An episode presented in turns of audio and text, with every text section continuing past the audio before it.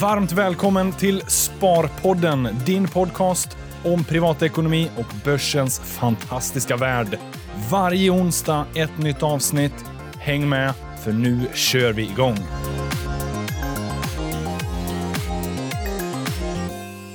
Jag säger hjärtligt välkomna Sparpodden avsnitt 273 med mig Alexander Gustafsson och idag ett litet extra varmt välkomnande till min nya poddkollega, tillika sparekonom och i allmänhet spar, aktie och fondentusiast Frida Bratt. Välkommen! Ja, nej men tack så snälla du och vilken ja. fin presentation. Ja. ja. Nästan lite ångestframkallande, men, men väldigt fin också. Ja, det blir, mm. Nu får du leva upp Ja, nu får jag verkligen leva upp entusiasten här, ja. som jag introducerade som. Ja, precis. Du, jag tvivlar inte en sekund på att du kommer att kunna leva upp till det. Nej. Men jättekul Nej. att ha dig här. Mm.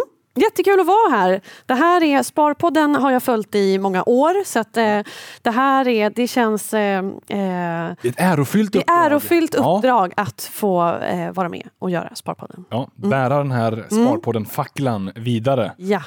Uh, och, nej men verkligen, och vi, vi kommer ha otroligt kul framöver. Uh, du har ungefär nu en vecka in på Nordnet. Mm. Inte riktigt men... Ja, tredje dagen sådär. Så ja. jag, börjar, jag börjar lära mig hitta i lokalerna. Det är väl ungefär den Ja, men det är bra. bra. Men eh, så här, sparekonom, vad, vad, vad blir dina hjärtefrågor framöver? Jag kommer, vad, prata, ja, jag kommer prata mycket såklart börs, eh, sparande generellt. Jag tänker olika former för sparande. Är det kapitalförsäkring som är bäst, investeringssparkonto men också eh, mycket pension som ju faktiskt ingår i det här. Eh, därför det finns ganska mycket problem som jag upplever det på eh, pensionsmarknaden fortfarande. Där jag tycker att det finns, eh, man behöver eh, höja rösten och säga stopp, det här är inte bra. Eh, och då tänker jag ju typ rådgivare som, som rekommenderar former för pensionssparande som inte alls är bra. Så det kommer jag prata mycket om. Men typ ehm, dyra avgifter? Skal som man Höga avgifter, intressekonflikter, precis skal som kostar utan att det är särskilt tydligt eller att eh, man som sparare har förstått att det kostar. Ja. Men just det här med intressekonflikter kanske särskilt och då är ju en den kanske mest utsatta, eller hur man ska säga, vi har ju kollektivavtalade tjänstepensioner. Tjänstepensionen, jätteviktig eh, nu när vi ser att inkomstpensionen kanske kommer, inte kommer vara så värst hög. Ja. Du och jag kommer få jobba till vid 87 ja. eller något. Ja. Eh, ja, precis. Man blir lite... Eh, jo, så den kollektivavtalade tjänstepensionen, där är det ganska bra. Där, där är det ganska rimliga avgifter och så. Men så har vi den här andra marknaden som är där det är lite fritt och lite, det är ofta arbetsgivaren som anlitar någon rådgivare och så kommer den till, till arbetsplatsen och, säger att ja, vi ska hjälpa dig med dina fonder och så rekommenderas eh, fonder i det fondbolaget som det här rådgivaren indirekt äger på något sätt. Alltså det finns mycket sådana strukturer ja. som man behöver eh, ropa stopp, det här är inget bra, utan eh, ifrågasätt. Ja, verkligen. Jag håller med dig. Eh, och sen är det ju det här med kollektivavtalade pensioner är ju generellt sett bra för de är ju per definition förhandlade. Mm. De har ju så mycket kapital så de kan ju förhandla sig till mm. billiga avgifter. Mm. Men det finns ju även där, tänker jag emellanåt, ineffektiviteter som pågår och, och, man behöver ju debattera och diskutera kring det här. Så är det ju, så det är inte, det är inte så, och att så vi kan... regler och undantagsregler. Ja. Så att det blir liksom... Vi kan inte lämna den marknaden därhän Nej. såklart. Eh, och där finns det ju också det finns intressekonflikter överallt. Ja. Eh, exempelvis hur väljer man icke-valsalternativet i de här kollektivavtalade tjänstepensionerna? Ja, det läggs ju oftast, det råkar bli så att det bolag som ägs av de här parterna vinner upphandlingen om de här. Alltså det, det finns mycket sånt man kan orda kring också. Eh, så det, det, är inte felfritt på något sätt. Men det är en ganska bra bit på väg tycker jag. Att man har den här upphandlingen och man pressar avgift. Ja. Man ser till att det finns bra icke-valsalternativ. Och det är också därför som man eh, nu tittar på en liknande lösning, tolkar jag det som, för premiepensionen. Ja, just det. Det man vill förändra så att det inte är lika fritt. Exakt, där man också vill ha en upphandlare, en huvudman som säger stopp i dörren och som säger det här, så, här, så här dåliga kan inte vara, så här dyra kan inte vara, då får ni inte vara här. Nej. Så har det ju inte varit alls. Och det har jag, jag har jobbat som journalist tidigare och har bevakat det här ganska intensivt och kommer fortsätta att ja. eh, debattera och diskutera det här. Ja, för det har det ju varit de senaste tre åren otroliga smällar på pensionssidan. Eh, det har varit Aldra och Falcon Funds mm. och mm Solidar. Solidar. Mm. Eh, det är miljarder har försvunnit. Precis, och de är fortfarande Det- borta Ja. i, i vissa fall i Falcon exempelvis. Där jagas ju de misstänkta fortfarande och Ja. pengarna är fortfarande borta. Och det här är ju pengar inom ett statligt eh, system faktiskt. Där vi är tvungna att ha våra pengar och så har det blivit på det här sättet. Det är... Eh, Ja, det är för jävligt, Det är- rent ut sagt. ja, Eh, precis. Man, man får svära kring det där. ja, Men vad är din känsla kring premiepensionen? Då? Nu håller man ju på att förändra Mm. den ganska mycket för att det har varit problem uppenbarligen. Nu har man ju dragit ner så att de här 850 fonderna som det fanns är betydligt färre. Man har satt lite punktkrav. Det har ju förändrat fondbranschen ganska mycket. En del mindre bolag som var ganska beroende av premiepensionen har nu inte, kan inte överleva lika enkelt och en del har ju behövt eh, mergas ihop. Nu är det ett sånt där engelskt ord, men slås ihop slås med andra samman kan man säga. fondbolag.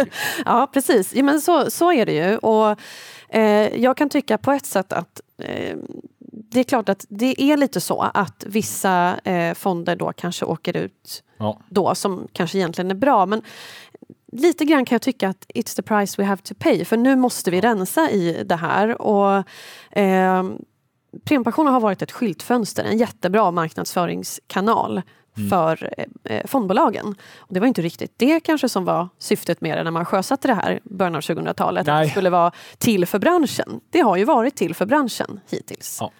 I, om man nu uttrycker det väldigt drastiskt. Men lite så tycker jag ändå att det har varit. Men det är ett bra sätt att se på det. Och nu behöver man ändra så att det är till för spararna. Ja, precis. Och nu har man ju ändrat då, som du sa, ett första steg att antalet fonder minskas ner. Nu har det väl försvunnit 200 i det här första steget. Sen kommer ett till steg då som ska, det utreds fortfarande hur det ska eh, se ut. Men det kommer se väldigt annorlunda ut. Och jag tror faktiskt att det behövs. Annars är jag en, eh, en eh, anhängare av valfrihet och, och eh, att man ska få välja själv och ha stor makt själv. Det ska, man ska ha de här många eh, eh, fonderna att välja mellan. Men just i det här fallet så kan man bara konstatera att svenskarna vill inte välja själva i så stor utsträckning. Men de flesta ligger ju i AP7. De flesta ligger i AP7. Sen finns det eh, såklart, det ska man ha respekt för, jättemånga som vill välja. Och, så, och, och det är ju superbra och de måste få fortsätta göra det. Men alla de här andra som, som har valt en gång, det vill säga början av 2000-talet och sen inte rört pengarna. Ja, Det finns ganska många sådana också. exakt. Och framförallt så behöver det ju sätta stopp. Och nu har det ju satt stopp för alla de här telefonförsäljarna som Mm. Ja. valde åt dig. Det var ju där, det, här, i efterhand, det borde aldrig ens fått pågå. Nej, alltså, och, det, och det är lätt att vara efterklok. Ja. Eh, alltså, kunde man inte förutse det här. Men finansbranschen är ju väldigt innovativ. Ja. Det är ju så att man, har, man låg hela tiden steget före Pensionsmyndigheten. Man hittade på olika sätt, massfondbyten, det förbjöds av Pensionsmyndigheten. Då kom man på att man kunde göra egna fond i fonder som man tog ut en avgift för. Alltså det, det är väldigt... Eh. Det är smarta människor det här som, som gör de här konstruktionerna. De är väldigt smarta och de är konstruerade bara för att kunna mjölka pengar. Men vi hoppas att vi får eh, en upprensning här nu. Verkligen. Och det är bra. Fortsätt debattera, diskutera utbilda kring Ja. det här. Det vill vi höra mer om. Eh, så sparande, pension, bolån har du pratat lite om också. Ja, här precis. Ja, men, eh, självklart, och det är kanske med anledning av att vi, Swedbank kommer med Ja. rapport eh, eh, i morse. Vi spelar in det här tisdag förmiddag. Så Ja. Den kommer i morse. Eh, så bolån är såklart en hjärtefråga för att det är så pass många där ute som berörs av det såklart. Eh, och där har det ju också varit något av en oligopolmarknad. Men det är ju så glädjande för det håller ju sakta, sakta på att kanske, kanske förändras eh, med fler utmanare på bolånemarknaden. Så att där har jag lite mer, eh, eller där har jag också lite, lite, lite hopp om en förbättring. Ja. Ja. För det finns ju, eh, för mig som eh, privatsparare så finns det ju mycket man kan spara in och Mm. i vissa fall tjäna på att fundera över att byta och pruta framförallt sitt bolån. Ja, ja, det här är ju ganska, det är ganska lätta pengar att spara in om man Ja. säger så. Eh, nu eh, har vi, tjatar vi om det här i en evighet, vi som skriver, har skrivit privatekonomi och pratat privatekonomi, att eh, förhandla bolånet. Men fortfarande så är det ju många som... som ja, men det, det, är också, det handlar också om knep. Man, rabatten försvinner bara utan att banken meddelar. Ja, det, det är mycket sådana saker också Ja. eh, som man bör hålla koll på. Och, eh, så det blir spännande att se här nu i rapportperioden. Swedbank eh, var ju lite sämre än väntat, men bolånen går fortsatt bra. Och det var det jag noterade också. Eh, det var sämre än väntat Swedbank, men på hela året 2018 så man, man gör ändå mer vinst. Mm. Ja. Eh, Så är det ju. stiger eh, och, och bolånen fortsätter att stiga. Så är det. Och den här kommer vara lite extra speciell nu att följa i och med hela den här bo, eventuella bolånebubblan Mm. som vi nu står inför. Eh, Den har ju varit en stor snackis under 2018. Bostadspriserna börjar falla Mm. lite eh, och, och man börjar ju fundera över, är vi nu överbelånade och Mm. kan vi klara av en avmattning eller i värsta fall nu en recession i ekonomin? Mm. Eh, och, och det ser ut i bankerna i alla fall som att det är fortsatt högkonjunktur i bolåneaffären. Mm. Eh, I alla fall för 2018. Ja men det är det ju och, och eh, det ska man ju ha med sig att vi har ju fortfarande låga räntor. Det, det är ju, vi pratar om höjda räntor och nu stiger räntorna men vi har en, en eh, reporänta. De är på- fortfarande negativa. Så det, Ja, det är fortfarande Ja. negativt och, och, och eh, några banker har höjt räntorna men ligger de på snitträntan nere i 1,7 eller något sånt där nu Mm. efter att några har höjt. Så att vi har ju låga räntor fortfarande. Eh, Jag är inte så orolig att hushållen inte klarar de här om det skulle komma fler räntehöjningar, Mm. vilket jag i och för sig är osäker på om det ens gör. mm, Eh, men eh, jag tror att hushållen eh, kan, kan klara lite högre räntor. Annars har inte banken gjort sitt jobb vid kreditprövningen. Men det som kan hända är att man drar in på konsumtionen förstås. Och då, där pratar vi ju då att det kanske får konsekvenser. ja, det blir den här negativa spiralen som Ja, Riksbanken och staten vill undvika till varje pris. precis. Eh, men inte stigande räntor säger du. Det, och det här är ju lite så här 2019, kommer det nu fortsätta? Eh, Du Mm. Ja, men- tror att det är... Nej, jag är inte helt... Det, det har varit... Eh, eh, så har jag varit ganska länge rätt eh, osäker på hur det här egentligen ska gå till. Ja. Eh, Stefan Ingves eh, har haft sina chanser att göra den här räntehöjningen tidigare Ja. eh, och inte gjort det. Utan, han, alltså inflationen har legat på högre nivåer under 2017 och hade vi eh, höga nivåer. Då tänkte man men nu kanske det är läge att höja. Eh, direktionen gjorde inte det utan väntade nu till december. Och de var ju nästan tvungna att höja då och inte vänta ytterligare för det låg ju liksom i korten att inflationen är inte särskilt, eh, den ligger inte så stabilt. Nej. Rensat för energipriser så ligger den på, jag minns inte senaste siffran, är det 1,4 eller något sånt där. Ja. Eh, det är ganska långt ifrån målet. Så att det, nu talar han om att... Now nästa-. Ja, men lite så. Att Ja. De var ju tvungna att göra det, men vad händer framöver? Jag tror att de får rätt svårt att, eh, att höja om det inte händer så att vi mm, inte alls får en vikande konjunktur, vilket ju de flesta, allra flesta tror nu. Därmed inte sagt en lågkonjunktur, men en vikande konjunktur Ja. är väl det som ligger i korten. En avmattning. Men, men det är lite så här, jag har börjat känna av att det tisslas och tasslas lite kring huruvida den här 2% nivån egentligen är rimlig. Mm. En del vill ju kanske börja hävda att 2% kanske inte ens är rimligt för Sverige att Nej. ha som inflationsmål. Nej. Man kanske borde skruva ner det till typ en och en halv. Mm. Precis. Men, men det är ju en stor apparat också och, och jag tänker att det de står inför, utmaningen är just den här skuld, den ganska stora skuldbördan som nu hushållen har tagit på sig. Och konsekvensen av att ränteutgifter blir större del av utgifterna för hushållen. Mm. Ja, men precis. Och vad det får då sen på ekonomin.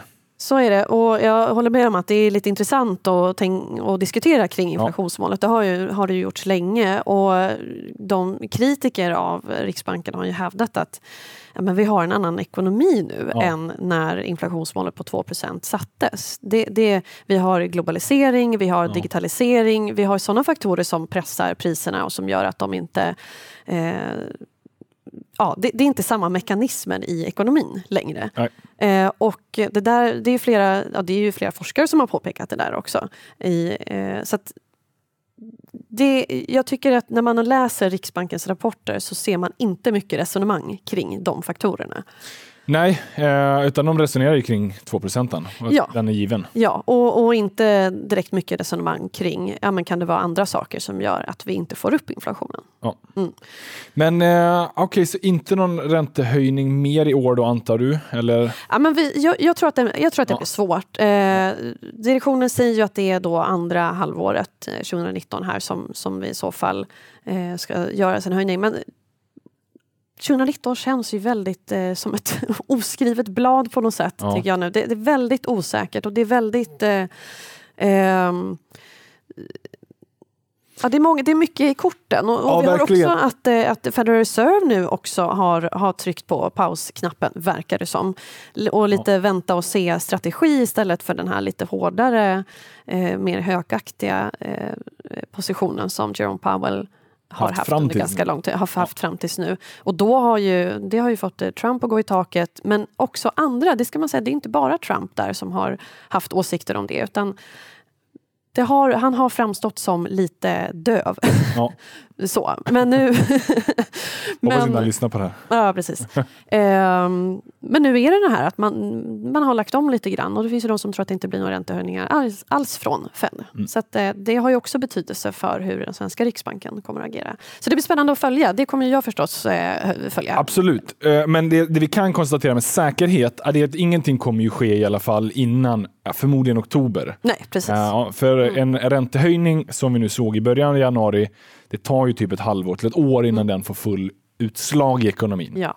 Så jag tänker att ja, det här är ju första höjningen Mm. som de gör sedan typ 2011 eller någonting sånt. Mm. Så jag tänker att Riksbanken vill nog gärna se vilka eh, signalvärden det skapar Mm. innan de trycker på knappen en gång till. Eller om de nu bara låter det stå still. Ja, precis. Och de, eh, ja, det finns massa faktorer. Det är inflationen och det är att de vill inte se att kronan stärks för mycket och det Ja. är massa sådana saker också. Eh, men jag tror att det var viktigt för Stefan Ingves att ge den här signalen att vi, vi, vi kan genomföra det här. Ja. Vi gör det nu.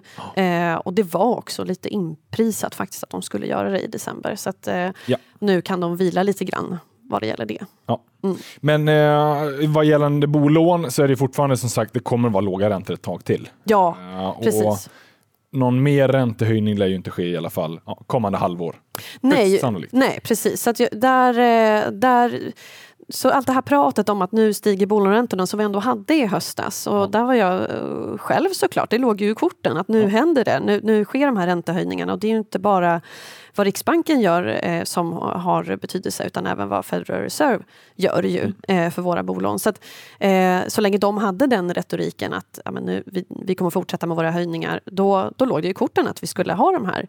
Nu, nu händer det, nu stiger bolåneräntorna. Nu känns det inte riktigt så längre utan man kan nog vara man kan se lite högre bolåneräntor men, men man behöver knappast springa och binda bolånet. Nej, för den rän- räntehöjningen har ju redan skett nu i, vid årsskiftet. Eh, men du Frida, det finns mycket du kan prata och debattera och fortsätta utbilda kring och det, och det kommer du göra. Ja. Eh, och jag skickar ju även med till er lyssnare, var med och påverka. Eh, det är nu Frida är formbar i Exakt. sitt lilla embryo här. Ja, men och, precis. eh, växa ut till en uh, fullfjädrad, äh, nu, jag vet inte vilka metaforer jag är inne och pratar i, men eh, jag tror att ni greppar i alla fall som lyssnare.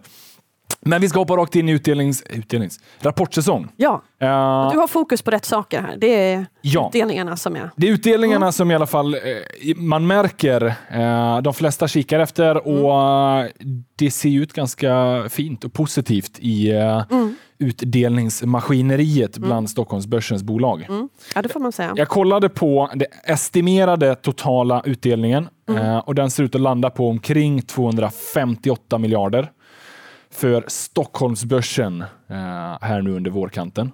Ja, det är några kronor får man Det är några kronor. Det, Det får man ändå... det är rätt många kronor. Ja. Det är lite så här många så att det är svårt att ta till sig den där Ja. siffran nästan. Ja. 258. Nu är det Stockholmsbörsen eh, och, och det är estimerade.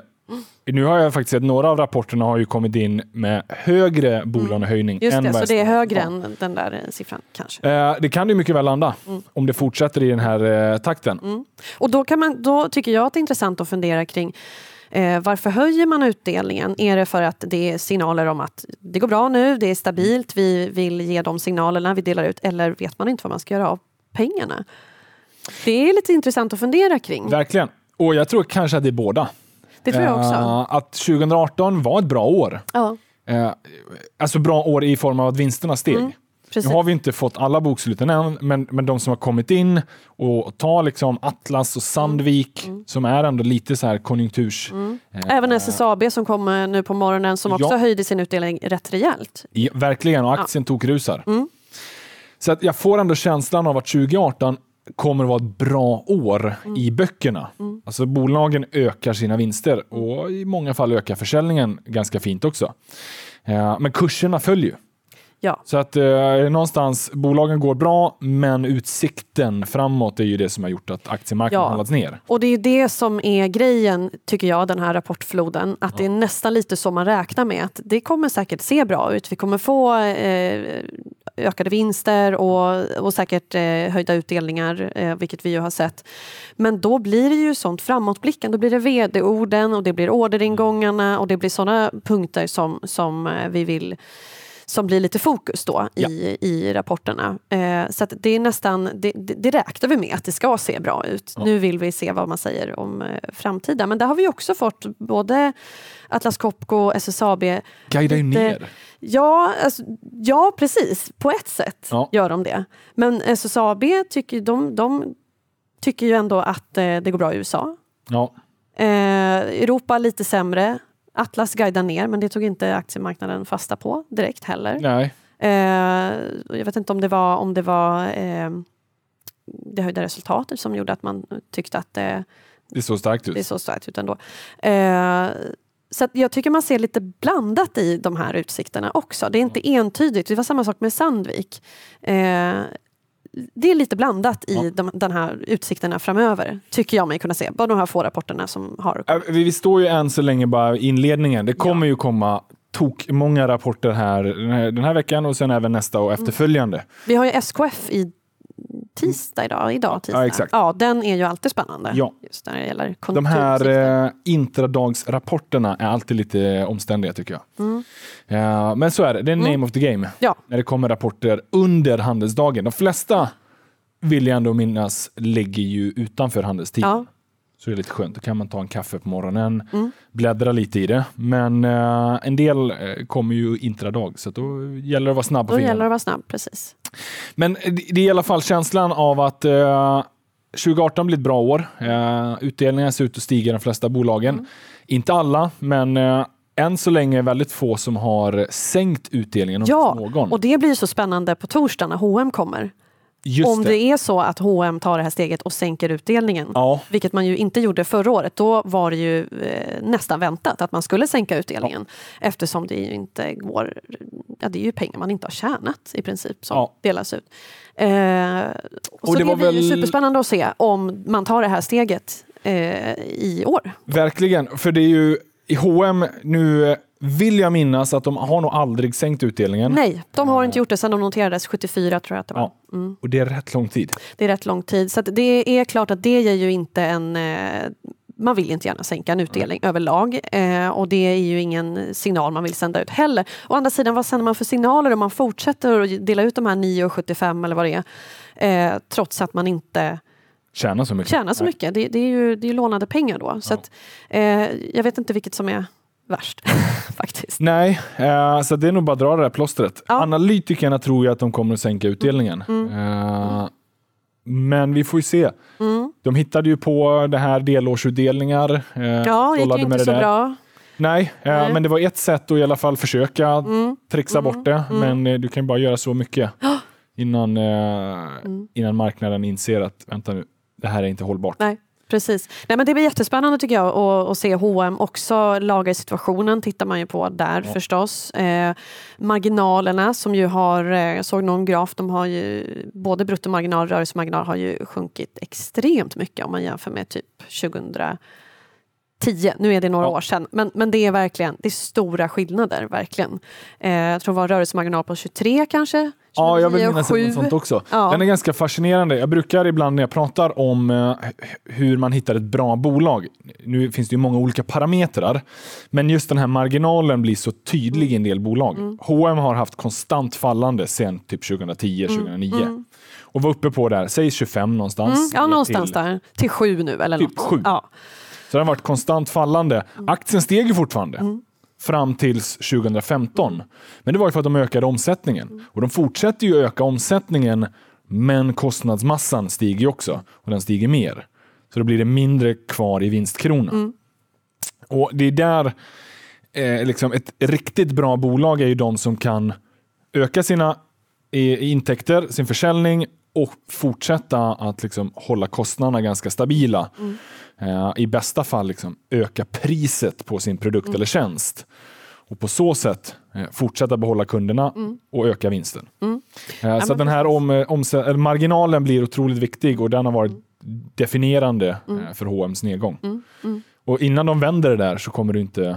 Så kommer det inte gå. Och, och sen måste de ju få rätsida på andra saker. De har ju problem med leveranser och, och sagt, lagret har vi redan nämnt. Det, det är ju sådana saker. Hemsidan fungerar inte. Det är ju sådana saker som gör att man också känner att det där, de måste få rätsida på allt det här. Det är en sak att de var sena in i digitaliseringen men att det inte funkar nu. Det, det är, om man går in på H&M's hemsida och ska beställa någonting då är det leveranstid som är så fem till sju dagar. Det är en evighet Ja. jämfört med konkurrenter som Inditex då, som äger Sara. Nu är det här bara, tror jag, eh, omkring eh, Barcelona men där kan man då få eh, eh, det man har beställt levererat inom två timmar eller något sånt där.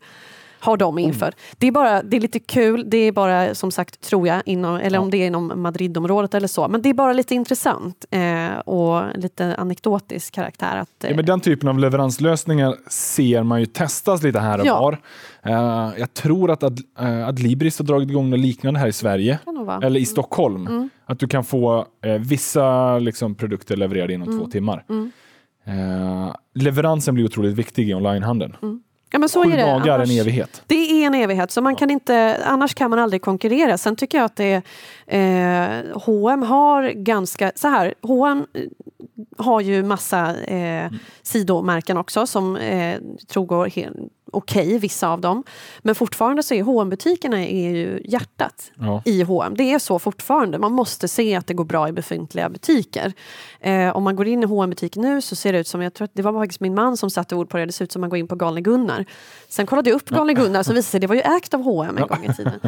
Hur som helst, det är ju inte heller hållbart. Jag vet Nej. inte riktigt vad H&M vill vara längre. Det är, så förutom om man tittar på då i rapporterna, siffrorna, rörelsemarginalen, så tycker jag att man har de här, man upplever själv som kund, när man liksom, som konsument, att det inte det går inte särskilt bra just nu. Nej. Eh, Men med det sagt, jag tror inte vi ska räkna ut H&M än. Eh, det är mycket, det är många som har negativ syn. Mm. Så det är nästan lite intressant att hitta de som har den här positiva synen. mm, För allt annat lika, H&M är ju otroligt mycket billigare idag. Eh, Med all rätt, för aktien har gått ner så otroligt mycket. Eh, Om de, det, det krävs inte mycket nu nej. för att man liksom ska vända den här eh, negativa uppfattningen av bolaget. Men om det är vid det här bokslutet eller om det är någon av de framtida rapporterna, ja, det har jag ingen aning om. Nej. Men eh, alltså det är fortfarande det är ett stort bolag. Eh, de är fortfarande innovativa. Ja, de har ju sina butikslägen Ja. och de har sina... De har, självklart är det så. så att, eh, vi får väl se. Just nu, jag tror inte heller att det blir i den här rapporten som vi ser att skutan vänder eh, faktiskt. Eh, Men, Men eh, någon gång förr eller senare och då kan det nog eh, Mm. finnas ganska mycket lättnadsrally. Men, men det finns många stora puckar som ska lösas innan dess. Ja, och jag tror att en av dem är bara att man måste definiera vil, vem, vem, vem är man då? Ja. Eftersom det finns en gång i tiden var H&M ensamma om att ha billiga, snygga kläder, alltså med hög modegrad. Eh, Mm. Nu är det, alltså konkurrenssituationen är en helt annan jämfört med för några år sedan. Ja. Men, men det blir spännande på torsdag. Jag kommer hålla koll på marginalerna, lagersituationen, utdelningen. Ja, bra. Men bankerna tänkte jag vi ska orda lite om också. Eh, Swedbank sa vi här inledningsvis, eh, har ju kommit med en rapport. Ja. Eh, togs emot ganska negativt av marknaden, men eh, för förväntningarna var högre än vad man Ja. faktiskt levererade. Men det går ändå bra för banken. Ja, det går ju bra. Eh, bolånen går bra. Ja. Det som inte gick så bra var då provisionsnetto och Ja. det beror ju på att börsen har gått lite sämre så att det har varit sämre aktivitet då. Och det har vi nog förväntat oss av alla banker. Ja, det ligger ju i korten hos Ja. banken att det, det är så. Men det är just den här bolånedelen som Mm. jag också tror kommer vara, det är den största delen för alla banker. Mm. Eh, och, och den ser fortsatt positiv ut. Ja, det gör ju det. Och där har det ju pratats väldigt mycket om att nu kommer marginalpressen. Och det var ju det som vi pratade lite om eh, Ja. tidigare, det här att det kommer ju fler utmanare. Eh, men det är inte säkert att det slår igenom eh, än Nej. riktigt. Så att vi får väl se om det kanske kommer längre fram. Det är det som man hoppas som eh, bolånekund åtminstone, att det gör det. Som Definitivt. aktieägare kanske inte då. Men Nej, men eh, som bolånekund definitivt. Men det är ju, eh, det kommer ta lång tid. Eh, de kommer ta lång tid. Stora bolåneaffärer. Och det, det kommer ta lång tid eh, så länge som kunderna själva inte agerar på den här nya situationen Ja. som vi ju har. För vi har en ny situation. Vi har, och då pratar vi inte om de här enkla och de eh, splitternya bolånektören som knappt har kommit igång med sina bolån. Utan eh, vi har Danske och Skandia och Länsförsäkringar och SSAB som har verkligen de har gått in för att ta marknadsandelar och har gjort det. Om man tittar på eh, en graf för eh, nytecknade bolån så har de en väldigt stor del av eh, bolånekakan. Ja. Så det är jätteintressant att se. Tittar vi på hela bolånestocken, ja men då har ju bankerna fortfarande vad det är, 70 procent eller något sånt där. Jag har inte siffran exakt. Men det, det är intressant att se på den här för nytecknade bolån. Eh, och där får de passa sig lite grann, tror jag. Och det är också därför som att jag tror i alla fall inte att storbankerna kan räkna med att eh, plocka in de här andelarna av nytecknade bolån igen. Nej. Och det är därför som kostnaderna blir så viktiga också, att hålla nere i bankerna. Vilket är lite svårt, för samtidigt så måste bankerna hänga med sina konkurrenter på andra sätt. De måste investera i IT. De måste bli attraktiva. De kan inte som Handelsbanken har gjort hittills ungefär, bara för alltid en, ha liksom små kontor ute i varenda liten ort och inte Ja, nu kommer de säkert stänga igen flera av sina kontor. Ja. Det är ju en del i digitaliseringen. Eh, man måste hänga med och göra stora investeringar. Samtidigt så måste man dra in på kostnaderna, annars bibehåller man inte vinstnivåerna. Ja. Så det är ett litet dilemma. Och det var ju också så att eh, det var högre kostnader i Swedbanks rapport än vad man hade räknat med. Ja, eh, men det, det var ju det de pratade om jättemycket 2018, Mm. att kostnadsbasen ska man liksom se över. Eh, på helåret så steg den lite lätt vill jag minnas, Mm. eh, men precis, K-talet steg ju också. Mm. Eh, Och det var ju IT. Ja. Eh, rätt mycket. Så det, det, och det är ju en del i omstruktureringen antar jag av den svenska verksamheten som man ska göra nu. Då. Eh, att öka eh, digitaliseringen av den. Eh, så man, jag tyckte man kunde skönja här att det kanske eh, Birgit Bonnesen inte är helt nöjd med den svenska delen. Det var väl det man anade när chefen för den fick lämna här nu. just det. 22 januari tror jag att det var. Minns inte namnet på den personen. Nej, men precis. För, det, var inte, för det, det var inte så jättemycket prat om det i rapporten. Nej, det var det inte. Utan Ja. man fick läsa lite mellan raderna. Lite. Ja. Nu inleder vi den här eh, omstruktureringen och lite så. Så Ja. jag tycker man kunde tolka ut att eh, hon inte är helt nöjd med kostnadsutvecklingen där. Nej, med, med, med all rätt, för den stiger ju. Eh, så det är det som kommer vara definierande för Mm. bankerna 2019. Ja. Eh, se till att hålla koll på kostnadsbasen. Och det blir jätteviktigt för eh, framförallt Nordea och Handelsbanken har ju uttalat att de måste få ner kostnaderna. Handelsbanken har fått otroligt mycket eh, kritik, jo men kritik från analytikerhåll att de har för höga kostnader. Det är deras stora problem. De kommer med rapport nästa vecka så det blir ju spännande att se hur det går med det där. Och där är det också spännande för där har vi ju ett vd-byte Ja. ju också. Så det blir spännande att veta, eh, få reda någon, någonting kring det. Eh, Anders Bovin då, som ska lämna, han hade ju synen på att det går att det går att digitalisera och vara i framkant men samtidigt behålla de här små kontor, Kontorsnätverken. som kanske är rätt viktiga. Om du bor på en mindre ort och den enda banken, alltså banken med stort B är Handelsbanken-kontoret. Det är dit du går. Eh, så det kommer ju vara en ganska stor förändring då för många. Men hans syn var att det går att ha båda de här. Vi får se om det kommer in en ny vd som har en annan syn på saken. Att eh, eh, kontorsnätverken ryker. Det blir lite spännande att följa. Ja, för jag tror att många med, alltså, kanske överskattar den här digitaliseringen. Mm. En del vill fortfarande ha, eller man behöver ha en fysisk bankkontakt. Man behöver göra vissa fysiska bankärenden. Mm. Allt eh, går idag att lösa digitalt, men det är inte säkert att alla vill lösa det digitalt. Nej, och det ser man ju i såna här eh, svensk kvalitetsindexundersökningar att de banker som får låga kundbetyg, det är de som inte har lyckats i den här övergången. Alltså de måste möta kunder som vill ha det här, lite eh, schyssta tjänster, smidiga, eh, digitalt. Ja. Men om man bara har det och tar bort det här personliga, då upplever bankkunderna att de hamnar mellan stolarna. Och så har det varit mycket. Det har varit mycket så i Nordea som ju alltid är sämst i de här eh, SKI. Och eh, eh, nu minns jag inte vad Handelsbanken har legat på. Men, men det är det stora problemet när bankerna ska hänga med. Men samtidigt, det är under hos storbankerna som väldigt många äldre kunder finns. Ja. Och ja, de kanske inte ens har ett mobilt bank-id. Och då, då, då är det, jag har inte svårt. bank-id den här veckan ska jag säga. Nej, Eh, för hur har jag, det gått? Ja, det går ju Ja. jättedåligt. Ja. Det går verkligen så. Jag är helt handikappad. Eh, och det har att göra med att jag ska byta telefon och, och Ja. lite praktiska så. Det är ju, jag kan ju inte göra någonting. Nej. Så att, eh, eh, det är bara en liten, en, liten, en liten test av hur det skulle vara om jag inte ens hade det här. Det är Ja. ju... Mm, de flesta har ju, har ju det, men det finns fortfarande kunder som inte har BankID som Ja. förlitar sig på eh, det här personliga. Ja, att de exakt. kan, och det, det, mm. Men å andra si- sidan, så att det, långa de, trenden går mot digitalisering. Ja, och de tid. personerna kommer ju... Eh, hur ska jag säga det här utan att låta hård? De kommer ju dö ut Ja, förr eller senare. förr eller senare. Det gör vi alla. Men, Det gör vi alla. Så är det. Eh, Snyggt. Men i vilket fall, jag tänkte också, eh, banker kommer ju väldigt högt ut på de här utdelningslistorna. Eh, de förväntas ju höja och för att det går ganska bra. Eh, och det är samma där. Är det i brist på annat att göra med pengarna eller är det för att det går så bra? Eh, och förmodligen en liten kombination av de båda kanske. Jag tror också att det är en kombination av båda Ja. i, i det här läget.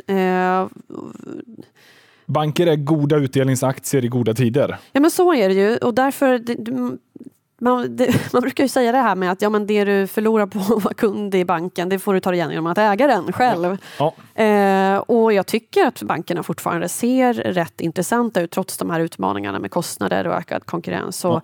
Kanske smitta från europeiska banker. Vi har att det, det är lite smitta från penningtvättsskandalen i Danske. Det finns ju sådana faktorer som ligger och, och, och pyr där. Men jag tycker att bankerna ser intressanta ut för de är ganska lågt värderade också. Flera av dem. Kanske inte Swedbank eh, tillhör ju de som har ju inte fallit lika mycket som de andra. Eh, men de är ganska, eh, tror det är P 10, något sånt Mm. kanske. Ehm, Direktavkastning mellan typ Sex, 6-7 sju, till exakt. 8 Ja. kanske någonting. Så då, av det skälet så är de ju rätt intressanta fortfarande, tycker jag. Ja, men verkligen. Och de här kommer vi följa. Nu är det bara Swedbank än så länge som har levererat rapport. SEB Eh, imorgon, Ja, onsdag.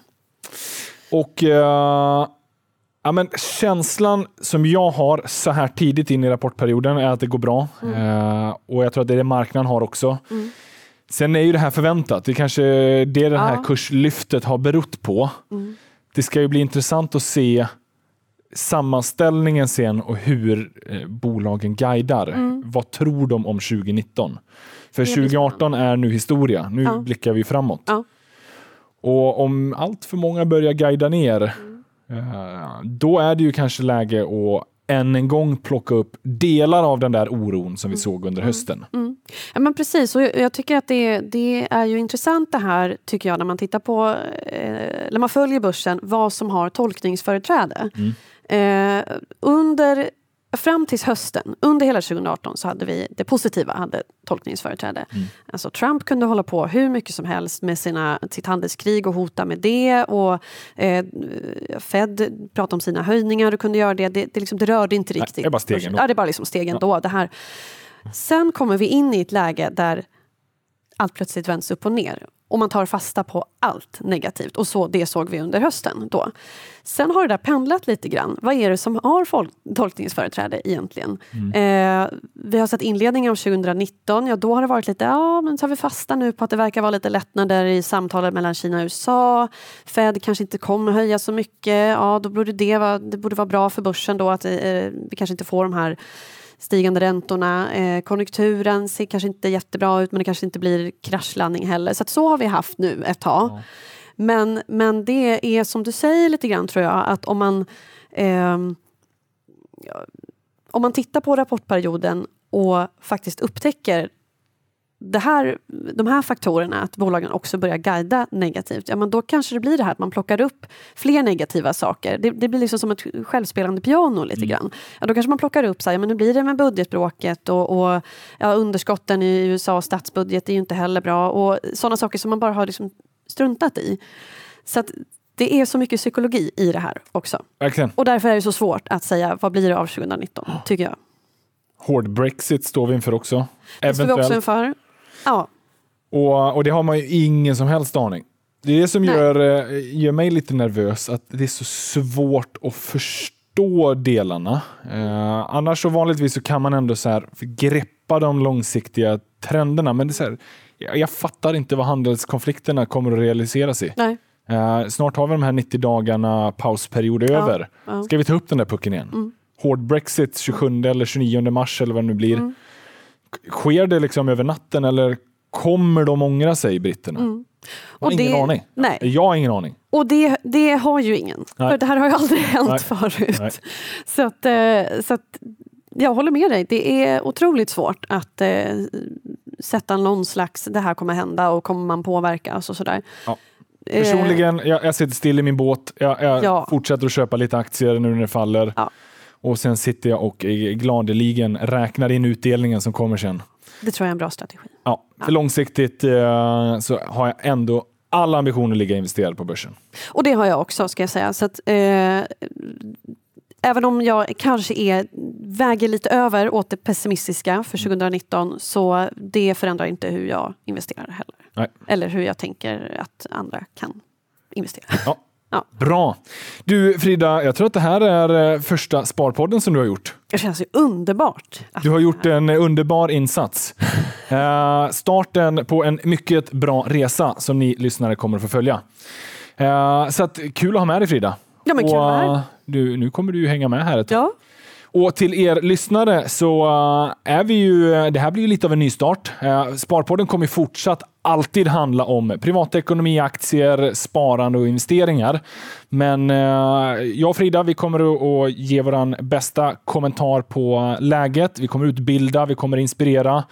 Vi kommer ha med lite gäster emellanåt som vi tycker är intressanta och kan bidra med en absolut. bra historia. Ja. Eh, och sen framför allt gör vi ju det här för eh, lyssnarna. Ja, så att jag, återigen vill jag verkligen uppmana att höra av er om vad, vad ni tycker att vi ska prata om. Eh, vi tycker att det här med sparande är kul. Vi tycker börsen är kul. Så att bara ös in ni frågor. Med frågor. Ja, men precis. Och man ställer ju de här vanligtvis på hashtag Sparpodden på Twitter eller i eh, hashtag Sparpodden-gruppen på Sharewill. På Sharewill vi får de flesta frågorna, för där kan man skriva mycket längre, så vi får ganska långa frågor. Eh, så fortsätt gärna skicka in och skicka in vad ni eh, vill se framöver. Ja. Eller vill ni se lite förändring så skicka in det också. Precis. Eh, som sagt, vi gör det för att vi tycker det är jävligt kul. Ja, Men, jävligt men kul. Är- primärt är det för att ni lyssnare ska få ut någonting av det också. Vi ska inte vara alltör egoistiska. Nej. Nej. Du Frida, än en gång välkommen till Nordnet. Tack. Men allra mest välkommen till Sparpodden. Tack. Och eh, ska bli kul att följa dig. ska bli jättekul att vara med. Ja, Ja. jag tror att vi säger tack för oss den här veckan och eh, vi ses som vanligt igen nästa vecka. Tack så mycket. Tack.